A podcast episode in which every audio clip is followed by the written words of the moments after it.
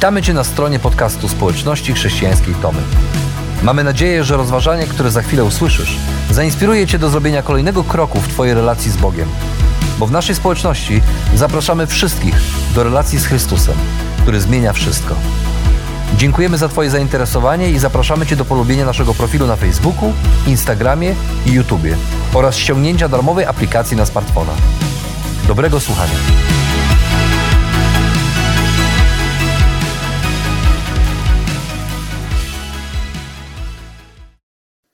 To skomplikowane. Ten status na, na Facebooku swego czasu e, zrobił furorę. Takie proste dwa słowa, które pozwoliły na zamknięcie e, w tych dwóch prostych słowach relacji z kimś, z kim nie do końca było się w relacji. Opisywał coś, czego do końca nie chcieliśmy albo nie potrafiliśmy opisywać. Taki trochę wytrych. Pytanie o daną relację, zamiast powiedzieć jesteśmy razem albo nie jesteśmy razem, mogliśmy powiedzieć, no, no cóż, to skomplikowane. Trzeba przyznać, że jako ludzie generalnie do perfekcji doprowadziliśmy sztukę komplikowania rzeczy prostych. Nieważne, czy próbujemy rozliczyć podatki, czy próbujemy załatwić coś w urzędzie, albo kupić pieczywo w supermarkecie, stajemy przed taką ilością wyborów, procedur i rozliczeń, że raz po raz musimy korzystać z pomocy specjalistów, aby pomogli nam dokonać właściwego wyboru, bo to skomplikowane. A jeszcze trudniej jest, kiedy musimy dokonać wyboru życiowej drogi albo podjąć ważne decyzje, które zmienią kierunek naszego życia. Ilość opcji, które stoją przed nami otworem, ilość pytań, na które chcielibyśmy znać odpowiedź, zanim podejmiemy daną decyzję, bywa przytłaczająca. Ed Friedman, amerykański psycholog, mówi wręcz o tym, że żyjemy dzisiaj w czasach terroru danych. To znaczy, że jego zdaniem staliśmy się społeczeństwem, w którym brak ścisłych danych paraliżuje proces podejmowania decyzji i osłabia przywództwo zarówno w domu, jak i w państwie, ponieważ chcemy precyzyjnie wiedzieć i zapominamy o tym, że nigdy do końca wiedzieć nie będziemy. Że nie wyeliminujemy ryzyka z naszego życia, że często musimy polegać na czymś więcej niż na informacji, którą uzyskujemy ze świata wokół nas. I tak żyjąc w tym terrorze danych, żyjąc w takim przekonaniu, że ciągle musimy wiedzieć i musimy znać wszystkie szczegóły, powstrzymujemy się często przed podejmowaniem ważnych dla nas decyzji. Zwlekamy, odkładamy je na później albo nigdy nie podejmujemy, bo to skomplikowane.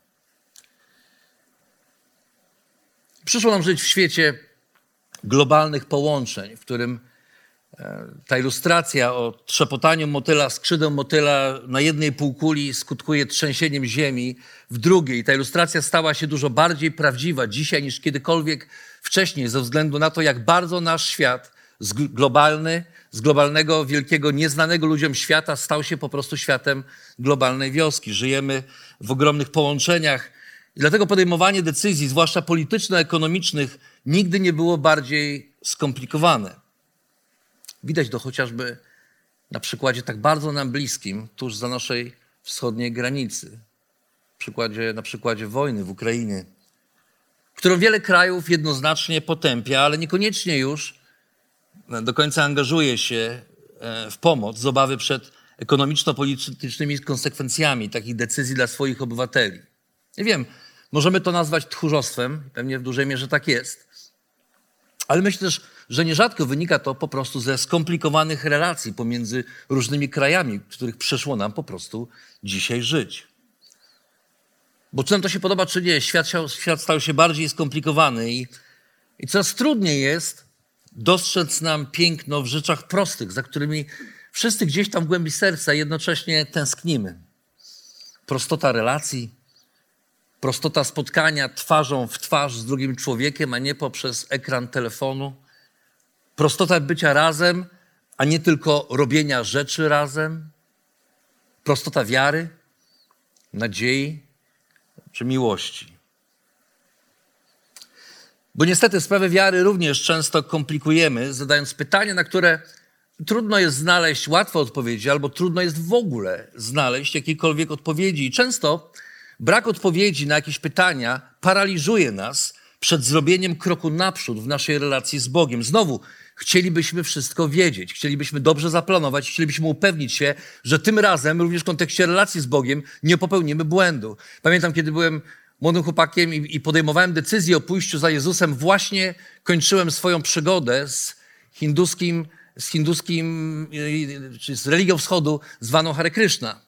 I pamiętam, jak przechodząc od tego miejsca, próbując pójść za Jezusem, e, zadawałem pytania i próbowałem zrobić wszystko, żeby dowiedzieć się, czy aby na pewno już po raz kolejny się nie pomylę. Bo już wystarczyło, już wystarczy tych pomyłek w moim życiu, już miałem dosyć tych błędnych poszukiwań. Ale z drugiej strony, prawda jest taka, że idąc za Bogiem, żyjąc wiarą, zawsze ryzykujemy. W dobrym tego słowa znaczeniu ryzykujemy w tym sensie, że nigdy nie będziemy znali wszystkich odpowiedzi na nasze pytania. I w którymś momencie musimy zrobić ten krok, o którym tak często mówimy. Krok wiary, który pomaga nam ruszyć do przodu. Przebodźcowani w świecie, który atakuje nas obrazami, informacjami, komplikujemy rzeczy proste, które nie zawsze są łatwe, ale często są dużo prostsze niż nam się wydaje. Dlatego przez następne kilka tygodni, e, po tym jak przez pierwsze kilka tygodni tego roku przyglądaliśmy się wieczności, patrzyliśmy na to, jak nasze życie zawieszone jest w wieczności, że wieczność jest już teraz, że my możemy żyć wiecznie teraz. Teraz przez następne kilka tygodni przyjrzymy się pewnym prostym aspektom naszej wiary. Tym, co tak naprawdę, bez czego nasza wiara nie jest wiarą, bez czego trudno jest tę wiarę po prostu prosto praktykować. Przyjrzymy się różnym aspektom relacji z Bogiem i zamiast to skomplikowane, spróbujemy powiedzieć to proste. Nie prostackie, nie zawsze łatwe, ale proste. I w tę prostotę chrześcijaństwa wprowadza nas ewangelista Marek, który opisując pierwsze miesiące służby Jezusa, zabiera nas do małego miasteczka nad brzegiem jeziora Galilejskiego, do Kafarnaum, gdzie widzimy Jezusa uzdrawiającego chorych i opętanych od rana do późnej nocy. Ewangelia Marka jest taką najbardziej dynamiczną Ewangelią. Tam rzeczy dzieją się szybko. Marek nie, nie, zajmuje się długimi fragmentami wypowiedzi Jezusa. On szybko chce pokazać Jezusa zaangażowanego. I tak jest tym razem. Najpierw w synagodze Jezus uzdrawia opętanego przez demony. Jest szabat. A potem w domu Piotra, uzdrawia jego teściową. I kiedy wieść o nim rozniosła się, czytamy, że wraz, wraz z nastaniem wieczoru, po zachodzie słońca, u drzwi, czytamy, zgromadziło się całe miasto. Więc możemy wyobrazić sobie tą ogromną presję, która była na, na Jezusie i czytamy o tym, że znoszono do Niego chorych i opętanych, a Jezus, przypominam, po zachodzie słońca, zamiast położyć się spać, Jezus nie zważając na późną porę, uzdrowił wielu dotkniętych różnymi chorobami i wyrzucił wiele demonów. Jeżeli oglądaliście serial The Chosen, to tam jest taka piękna scena, w której niekoniecznie ten moment, ale ten fragment życia Jezusa jest pięknie sportretowano. To mamy uczniów, którzy stoją przy ognisku i którzy dyskutują i nawet kłócą się ze sobą i kłócą się o to, kto jest ważniejszy, kto jest mądrzejszy. Dyskutują cały czas, stojąc przy tym ognisku i nagle w pewnym momencie kamera pokazuje idącego za nimi Jezusa, który dosłownie idzie w ten sposób, powłócząc nogami. Jest późny wieczór. On po prostu idzie i wszystko, co może powiedzieć do kłócących się o to, kto jest najważniejszy w Królestwie Bożym uczniów, to po prostu dobranoc. I dalej idzie, żeby się położyć. Jest tak zmęczony, bo cały dzień spędził na tym, żeby uzdrawiać ludzi i żeby głosić dobrą nowinę. I można się spodziewać, że po tak wyczerpującym dniu Jezus rzuci się na łóżko i pośpi tak do dziesiątej, dziewiątej trzydzieści może. Ale ewangelista Marek, ten człowiek akcji, który wielką wagę przykładał do działania Jezusa, zatrzymuje nas na chwilę i zaskakuje kolejnym zdaniem i mówi tak. A wczesnym rankiem czytamy, gdy jeszcze było ciemno, Jezus wstał, wyszedł z domu i udał się na odludne miejsce. Tam zaczął się modlić.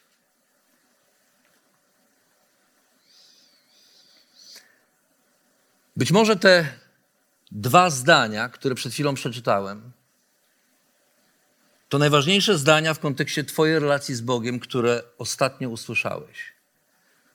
Dlatego pozwól, że przeczytam je jeszcze raz i nie przechodźmy nad nimi zbyt szybko.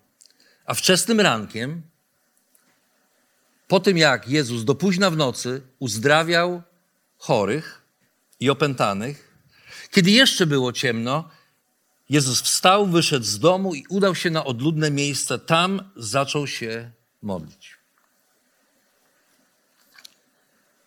Jak to możliwe, że w samym środku zabieganego tygodnia Jezus zamiast pospać do dziesiątej, wstaje przed świtem i ucieka przed ludźmi w jakieś odludne miejsce, aby się modlić. Zwłaszcza On. Bóg w ciele, który był w stu procentach człowiekiem, ale był też w stu procentach Bogiem, który nieprzerwanie trwał w bliskiej relacji ze swoim Ojcem. Jeżeli ktoś nie potrzebuje porannego wymykania się na odludne miejsce, żeby porozmawiać z Bogiem, to przecież Jezus właśnie, bo wyobrażam sobie, że akurat kto jak kto, ale Jezus może spać i rozmawiać z Bogiem, może drzemać i rozmawiać z Bogiem, może nic nie mówić i rozmawiać z Bogiem. A jednak widzimy go, jak po cichu Wyobrażam sobie na palcach, żeby nikogo nie obudzić. Przecież mógłby obudzić wszystkich i powiedzieć: hej, hej, hej, idziemy, razem. A on nie. Po cichu, na palcach, gdy wszyscy jeszcze spali, wychodzi z domu i w ciszy poranka idzie w ustronne miejsce, aby się modlić. Kto robi coś takiego?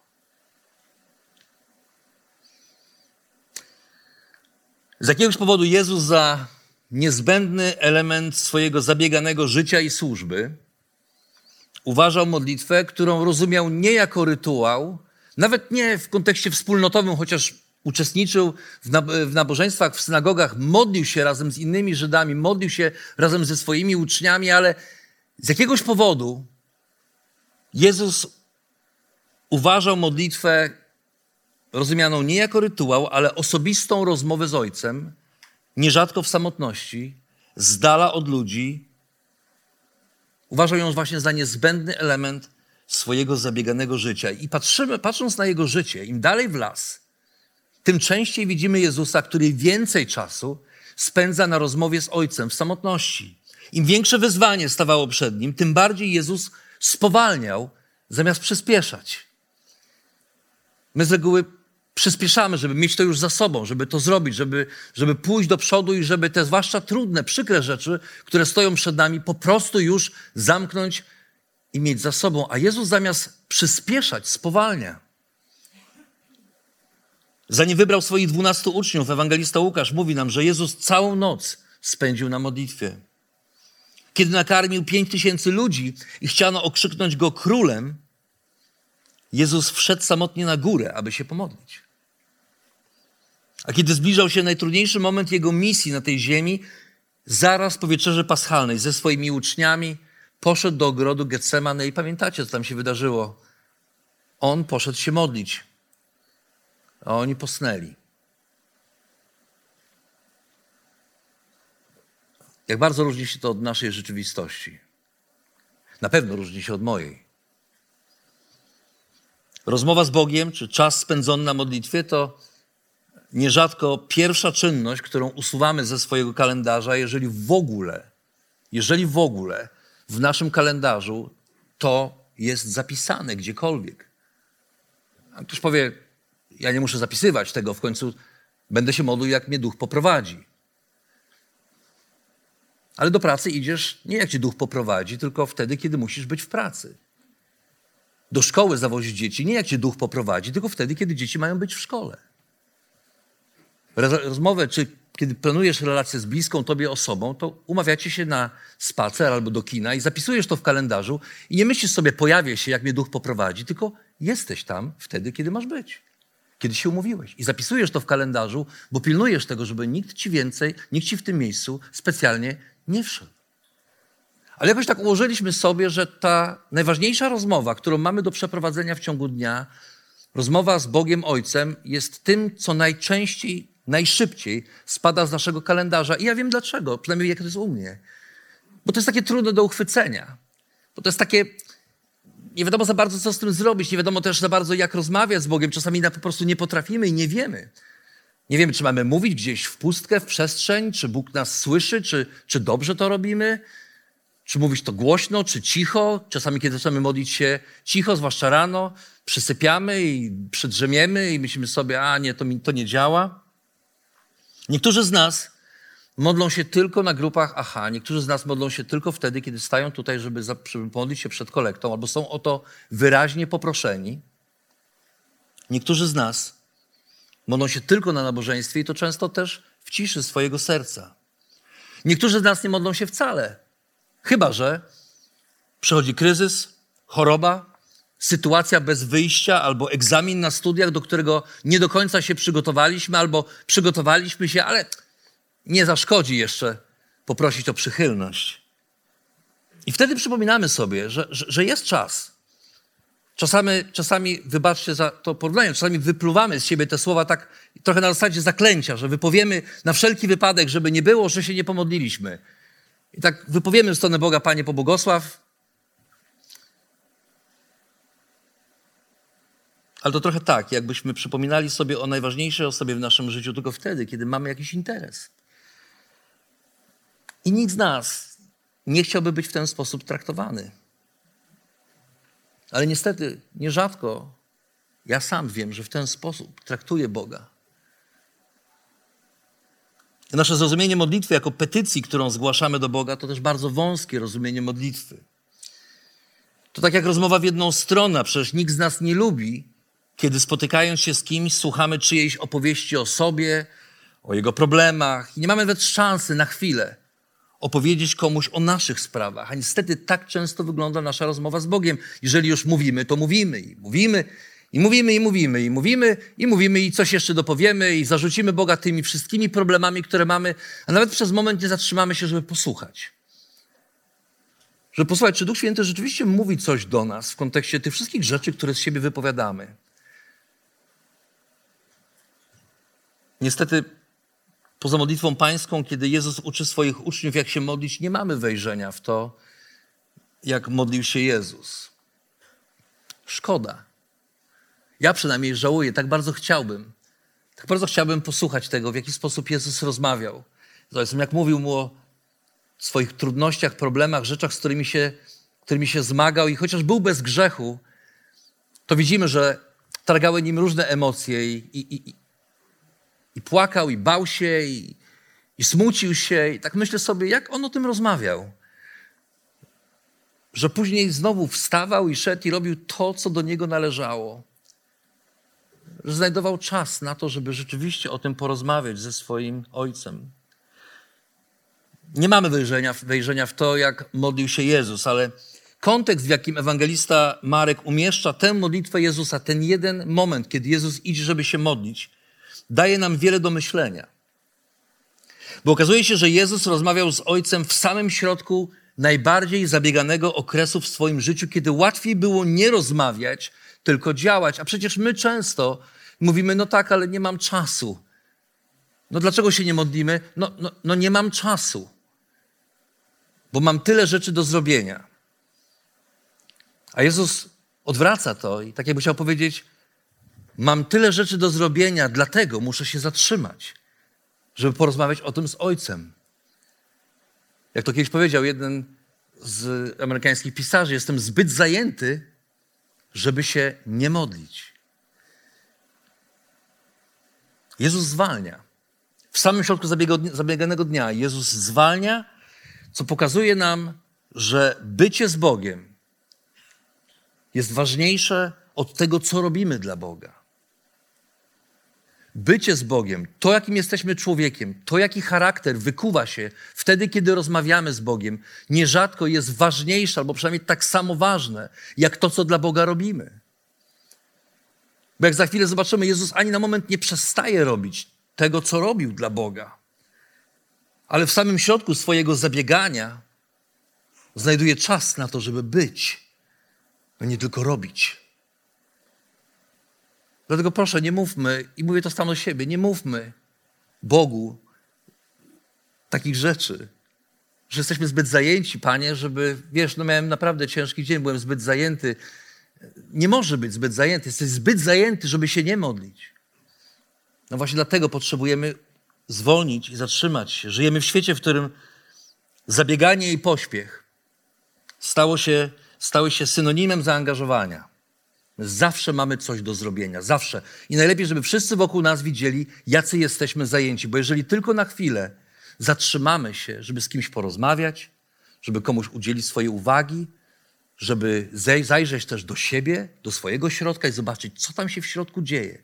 Niech Bóg przeszuka te moje serce, niech Bóg przeszuka tę moją duszę, niech On sprawdzi, co tam tak naprawdę się dzieje, dlaczego czuję to, co czuję, dlaczego chodzę cały dzień z jakimś takim ściskiem w żołądku, z czego to jest.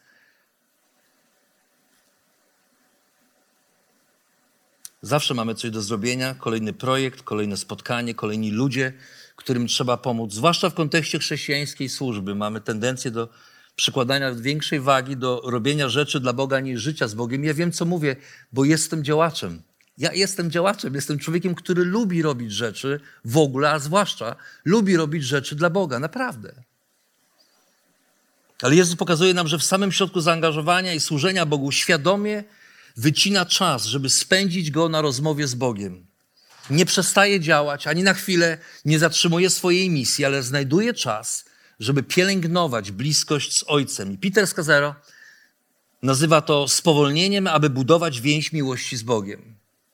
Spowol spowolnieniem, że spowalniamy, aby budować więź miłości. Nie po to, żeby się wygadać tylko, chociaż to jest częścią tego, nie po to, żeby przeżywać jakieś ekstatyczne rzeczy, chociaż czasami Duch Święty może poruszyć nas do głębi. Ale przede wszystkim po to, żeby budować więź miłości z naszym Ojcem. Bo żadna bliska relacja, jeżeli rozejrzymy się wokół siebie, nie rozwija się w pośpiechu, w biegu. Relacja, prawdziwa relacja nie tylko potrzebuje czasu, ale przede wszystkim potrzebuje uważności, zatrzymania się, wsłuchania się w to, co się dzieje między nami, Większość problemów małżeńskich wynika z tego, że ludzie żyją ze sobą, ale tak naprawdę obok siebie. Nigdy się nie słuchają. Ktoś cały czas opowiada, jedna osoba mówi, druga kiwa głową, a potem okazuje się, że ja nic nie wiem o tej drugiej osobie, a ona nic nie wie o mnie. Ale kiedy budujemy głęboką relację więzi miłości z kimś, czasami zatrzymujemy się, by coś wyjaśnić, czasami, żeby opowiedzieć, czasami, żeby zapytać, a czasami po prostu, żeby posłuchać. I to właśnie w ten sposób buduje się trwałe i mocne związki na lata. I, podobnie jest w naszej relacji z Bogiem. Jeżeli chcemy zbudować trwałą, bliską relację na lata, potrzebujemy czasu i uważności, aby zatrzymać się i porozmawiać z Bogiem o Nim, o nas, o naszych wspólnych sprawach, o tym, z czym się zmagamy, o tym, co siedzi gdzieś w naszych sercach i nie chce wyjść, o tym, dlaczego w tej sytuacji zareagowaliśmy tak, a nie inaczej, o tym, za co powinniśmy przeprosić, co powinniśmy wyjaśnić, z kim powinniśmy wyjaśnić. A przede wszystkim, drodzy rodzice, musimy nauczyć się rozmawiać z Bogiem o naszych dzieciach. Bo ktoś kiedyś powiedział, że gdybyśmy rozmawiali więcej z Bogiem o naszych dzieciach niż z dziećmi o nich, nasze rodzicielstwo wyglądałoby zupełnie inaczej. I możemy to robić na różne sposoby. Każdemu z nas co innego pomaga. Mi na przykład pomaga pisanie. Więc prowadzę dziennik i piszę w nim różne rzeczy. I to nigdy nie jest to samo. Ale zapisuję w nim swoje myśli, przemyślenia, swoje emocje Piszę po prostu to, jak się czułem w tej czy innej sytuacji i stawiam znak zapytania. Proszę Boga, żeby mi to wyjaśnił. Mi to pomaga, kiedy napiszę i przyłożę, wypiszę pewne, dodam słowa do tego, co czuję, dodam słowa do tego, co myślę. Czasami, czasami wypisuję imiona. Imiona niektórych z Was, niektórych z moich bliskich. I wypisuję te imiona i to pomaga mi modlić się o, to, o te osoby, skupić się na nich. Nie wędrować gdzieś myślami, ale ale myśleć o tej konkretnej osobie i prosić Boga, nawet czasem nie wiem o co, ale prosić Boga za tą osobą. A czasami zapisuję sobie jedno zdanie albo fragment z Pisma Świętego i czytam ten fragment i zatrzymuję się po to, żeby się chwilę nad tym zastanowić. Nie polecieć gdzieś dalej, nie przeczytać całej księgi, ale jeszcze przez moment, jeszcze przez chwilę wsłuchać się w to, co to jedno zdanie mówi, przez to jedno zdanie Bóg mówi do mnie w kontekście swojego słowa. Czasami przysypiam. Moje myśli wędrują gdzieś w inną stronę, czasami nie mogę się skupić, ale wtedy proszę Boga, żeby mi wybaczył i próbuję rozmawiać z Nim tak, jak tylko potrafię najszczerzej. Czasami wyjeżdżam. Wyjeżdżam na kilka dni sam, bez rodziny, bez bliskich, bez przyjaciół, bo potrzebuję tego. Bo wiem, jak dobrze to robi mojemu sercu i mojej duszy. I to nie są jakieś długie wyjazdy, to są dwa, trzy dni, może dwa razy w ciągu roku, takie dłuższe. Ale potrzebuję tego i nauczyłem się tego, że nie mogę tego ignorować, bo kiedy tego nie robię, to trudniej jest mi w mojej relacji z Bogiem i trudniej jest mi w mojej relacji z ludźmi. Nie widzę rzeczy. Uciekają mi po prostu. I nie mówię, że musisz robić to tak samo. Jest, jest pewna młoda dziewczyna, która każdego dnia zapisuje po prostu swoje modlitwy. I patrzy to, o co się modliła, i później, kiedy patrzyła na to z perspektywy roku czasu, widziała, jak Bóg odpowiadał na te modlitwy, i to budowało jej wiarę. Jest w naszej społeczności mężczyzna, który każdego ranka siadał i zaczynał swój dziennik, pisanie swojego dziennika od słów to był dobry dzień. I wracał myślami do poprzedniego dnia, dziękując Bogu za to, co wydarzyło się w tamtym dniu. I mówi, to był dobry dzień.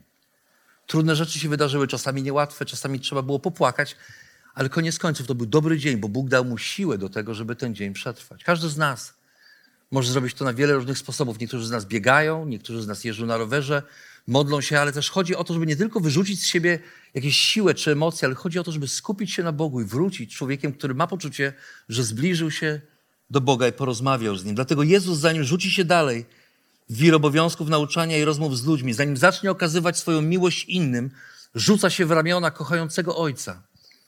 Z dala od tłumów, z dala od ciekawskich spojrzeń. On, który nie znał grzechu, który wiedział, kim jest, potrzebował czasu z dala od ludzi, w bliskości z Ojcem. Jeżeli On tego potrzebował, to o ile my bardziej potrzebujemy tego czasu, aby nie dać się wciągnąć w pospieszną bieganinę bez ładu i składu, nawet w najlepszych intencjach. Marcin Luther, zapytany kiedyś, jakie ma plany na następny dzień, powiedział: Praca, praca od rana do wieczora. Tak naprawdę mam tak wiele do zrobienia, że pierwsze trzy godziny muszę spędzić na modlitwie.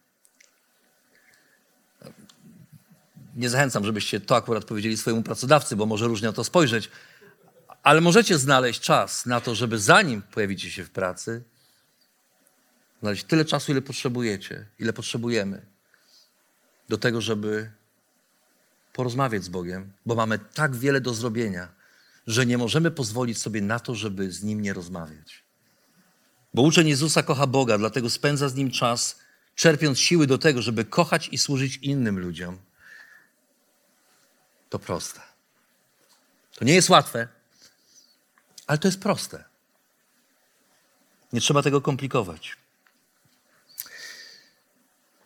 Ale kiedy patrzymy na tę historię, na ten fragment, modlitwa oprócz spędzania czasu z Bogiem ma jeszcze jeden ważny aspekt. I zobaczcie, co się dalej wydarzyło. Jezus poszedł na to, na, na to odległe miejsce. Szymon jednak i jego towarzysze ruszyli jego śladami, oczywiście. No przecież trzeba, życie musi się dziać dalej. Przecież wszyscy czekają na Jezusa. Gdy go znaleźli, powiedzieli mu: Wszyscy cię szukają. Wtedy im odpowiedział: Chodźmy gdzie indziej.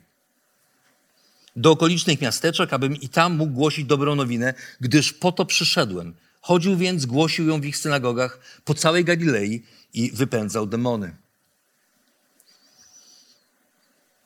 Uczniowie upojeni popularnością swojego lidera, widząc kolejne tłumy i kolejne możliwości i chcąc się trochę, umówmy się, trochę ogrzać w tym blasku Jezusa. Oni dawno nie, nigdy nie mieli takiej sytuacji. Oto mają, są, są przy człowieku, przy kimś, kto, kto jest kimś niezwykłym, jeszcze do końca nie rozumieją, kim jest, ale patrzą na niego jak na obiecanego Mesjasza, tego, który miał przyjść i chcą trochę, trochę pobyć w tej popularności, no bo przecież są jego najbliższymi uczniami. Widzą kolejne tłumy, zaczynają szukać Jezusa, w końcu on wyszedł, kiedy oni jeszcze spali. I kiedy go znajdują, wołają w jego stronę: Hej, wszyscy cię szukają. To brzmi jak żeby powiedzieć słowami z Ojca Chrzestnego, jak propozycja, której nie można odmówić.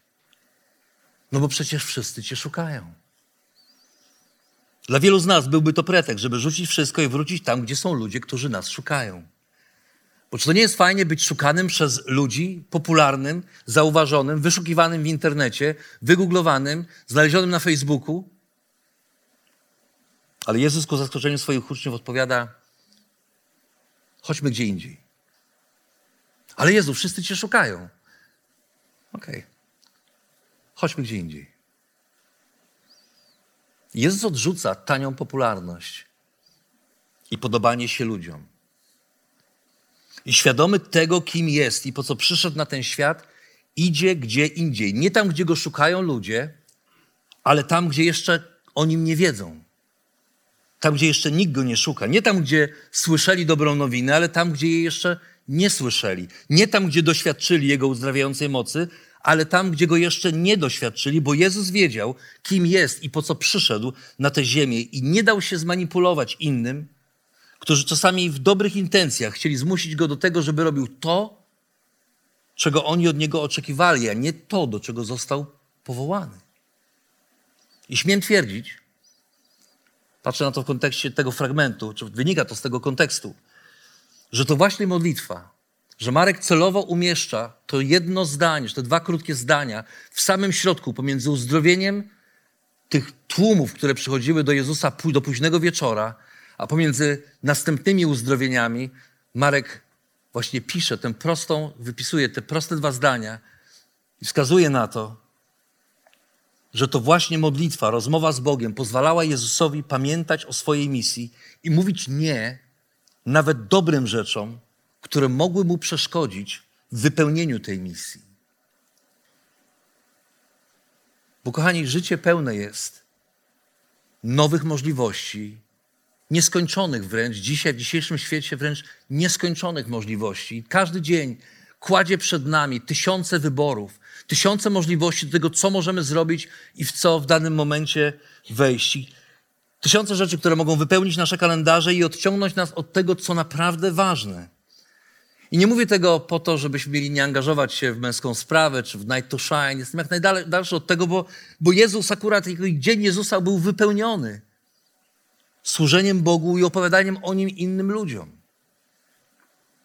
Ale mówię o świadomości tego, kim jestem i co mam do zrobienia, kiedy, która przychodzi do nas właśnie wtedy, kiedy potrafimy zatrzymać się i w ciszy przed Bogiem odpowiedzieć sobie na kilka pytań, rozsądzić przed sobą i przed Bogiem, czy to jest mądre, żeby w to się angażować, czy to jest mądre, żeby dołożyć sobie jeszcze jedną rzecz, jeszcze jedną robotę, jeszcze jedną odpowiedzialność i jeszcze jeden obowiązek i a może trzeba coś czasem odciąć i powiedzieć: W moim życiu nie ma miejsca na innych ludzi. W moim życiu nie ma miejsca na spotykanie się z ludźmi twarzą w twarz. Nie pamiętam, kiedy ostatni raz siedziałem z moimi znajomymi, z kimś, komu mogłem opowiedzieć dobrą nowinę przy stole, w moim domu. Nie pamiętam, kiedy to było. Nie pamiętam, kiedy ostatni raz spędziłem czas z innymi wierzącymi ludźmi, czytając Jego słowo i modląc się o siebie nawzajem. Jeżeli nie odpowiemy sobie na te pytania, jeżeli nie będziemy modlić się przed Bogiem i pozwalali Bogu, aby nas przeszukał w sercu i pomógł nam odkryć to, co gdzieś tam naprawdę siedzi. Jeżeli nie pozwolimy Bogu poukładać naszego kalendarza, tak żeby zawsze znalazło się tam miejsce na rozmowę z Nim, to będziemy jak dzieci rzucane od jednego do drugiego, miotani jedną możliwością, drugą możliwością, aż w końcu sami złapiemy się na tym, że nie mamy czasu, żeby złapać oddech i będziemy się dziwić, że życie nam uciekło, że dzieci nam uciekły, porosły i już nie mamy czasu dla nich, że nie mamy czasu, że, że żona jakaś taka inna i nie rozmawia z nami, że przyjaciele nie dzwonią i że nikomu w ostatnim czasie nawet nie miałem okazji opowiedzieć o Jezusie. Będziemy rzucani od konferencji do konferencji, od jednego duchowego haju do drugiego, od jednego internetowego mówcy do kolejnego duchowego mówcy, internetowego mówcy, od jednej inicjatywy do drugiej. Nie znajdziemy już czasu ani siły na to, żeby być tu i teraz i robić to, do czego naprawdę zostaliśmy powołani. Bo uczeń Jezusa kocha Boga.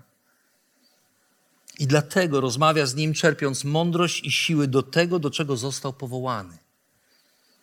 Rozsądza rzeczy w jego obecności. To proste. To nie jest łatwe, ale to jest proste. I nie trzeba tego specjalnie komplikować. Prawda jest taka, że żyjemy w przebodźcowanym świecie, w którym każdy czegoś od nas chce i każdy czegoś od nas oczekuje. Świecie pełnym niepokojów, problemów, które nierzadko spędzają nam sens z powiek. I w takim świecie bardziej niż czegokolwiek innego potrzebujemy pójść śladami Jezusa. Im bardziej jesteśmy zabiegani, tym bardziej potrzebujemy zwolnić i znaleźć czas na uspokojenie swoich serc przed Bogiem, na wyrównanie oddechu, na złapanie oddechu i na budowanie z Nim więzi miłości. Nie tylko takiego cześć, cześć. Nie tylko znajomości raz na rok i od święta, nie tylko co niedzielnego przybicia piątki, ale głębokiej, prawdziwej relacji miłości, w której możemy opowiedzieć o sobie, ale mamy też czas na to, żeby posłuchać od Niego. Od kilku tygodni w jednym z amerykańskich chrześcijańskich koledży, Asbury College, trwa czas uwielbienia Boga. Podczas jednego z nabożeństw tam, na wydziale to jest teologiczna szkoła, podczas jednego z nabożeństw ludzie skończyli śpiewać i nagle nie mogli skończyć śpiewać, więc zaczęli śpiewać dalej. I w ten sposób śpiewają i modlą się i czasem w całkowitej ciszy, a czasem śpiewając już od ponad tygodnia, prawie dwóch tygodni. I od razu powiem, tam nie dzieją się jakieś nie wiadomo jakie rzeczy, ale po prostu ludzie wyznają grzechy, modlą się. Niektórzy próbują odpocząć w Jego obecności. Już od dawna nie mieli takiego czasu, kiedy mogli po prostu posłuchać Boga i posłuchać tego, co On ma im do powiedzenia. I nie wiem, czy to jest przebudzenie, bo już tak to tak, jest już tak to nazywane. Ja myślę sobie, że to jest często zbyt nadużywane słowo.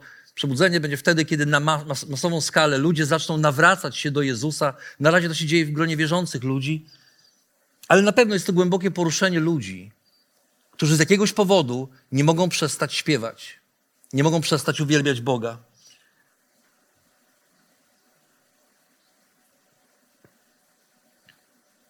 I nie chciałbym przegapić tego, że Boga należy również chwalić swoimi czynami. Na tym właśnie polega niezwykłość tego, co widzimy u Jezusa, gdzie modlitwa zatrzymuje go przed Bogiem, ale nie zatrzymuje go od służenia Bogu i opowiadania o nim. Nie powstrzymuje go od służenia Bogu i opowiadania o nim. Więc wierzę, że nawet ten czas uwielbienia modlitwy tam, w Asbury College, się zakończy i, i zainspiruje tych wszystkich młodych ludzi do tego, żeby poszli dalej służyli Bogu, służyli innym ludziom w imię Jezusa i opowiadali o nim z jeszcze większym przekonaniem i pasją niż do tej pory. Ale myślę sobie, że wszyscy potrzebujemy takiego zatrzymania, mniej lub bardziej w naszym życiu. I dlatego zanim przejdziemy dalej do dalszej części nabożeństwa, chciałbym, żebyśmy się na chwilę zatrzymali.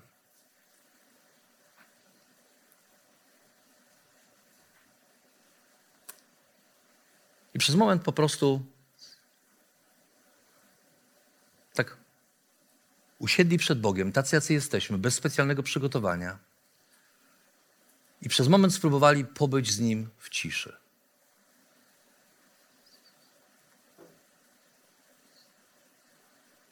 Chciałbym prosić, żebyśmy mogli na moment, tak jak jesteśmy, możemy zamknąć oczy, możemy mieć otwarte oczy. Każdy z Was wie najlepiej, jak, w jaki sposób, w jakim momencie najbardziej komfortowo się czuje, ale ja nie będę nas prowadził w żadnej modlitwie, ani nie będę wypowiadał żadnych słów w Twoim imieniu. Ale chciałbym, żebyśmy na moment, tacy zabiegani, tacy jacy jesteśmy, z tymi tysiącami myśli, rzeczami, które musimy zrobić jeszcze dzisiaj, co ugotować na obiad i co zrobić jutro, o które musimy pójść jutro do pracy. Chciałbym, żebyśmy mogli na moment zamilknąć i wyciszyć się przed Bogiem. I w ten sposób pomodlić się do Niego. Słowami w Twoim sercu, bez wypowiadania ich na głos, a może po prostu posłuchać tego, co Bóg mówi do Ciebie, bo może właśnie mówi do Ciebie w sposób, jaki dawno już do Ciebie nie mówił. Pomódlmy się, dając sobie przestrzeń do ciszy.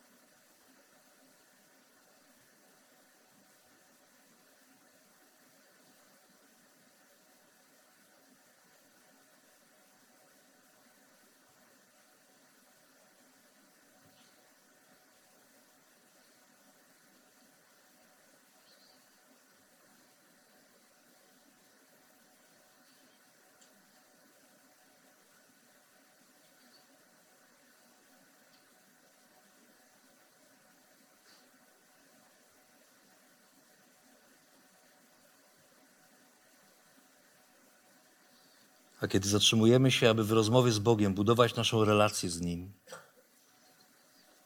On daje nam mądrość i siłę, aby kochać i robić to, do czego nas powołuje. To proste. Niełatwe, ale proste. Naprawdę nie trzeba tego komplikować.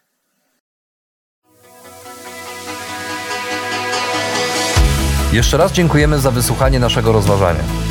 Jeżeli mieszkasz w okolicach Tomaszowa Mazowieckiego lub Łodzi, zapraszamy Cię do odwiedzenia nas na niedzielnym nabożeństwie.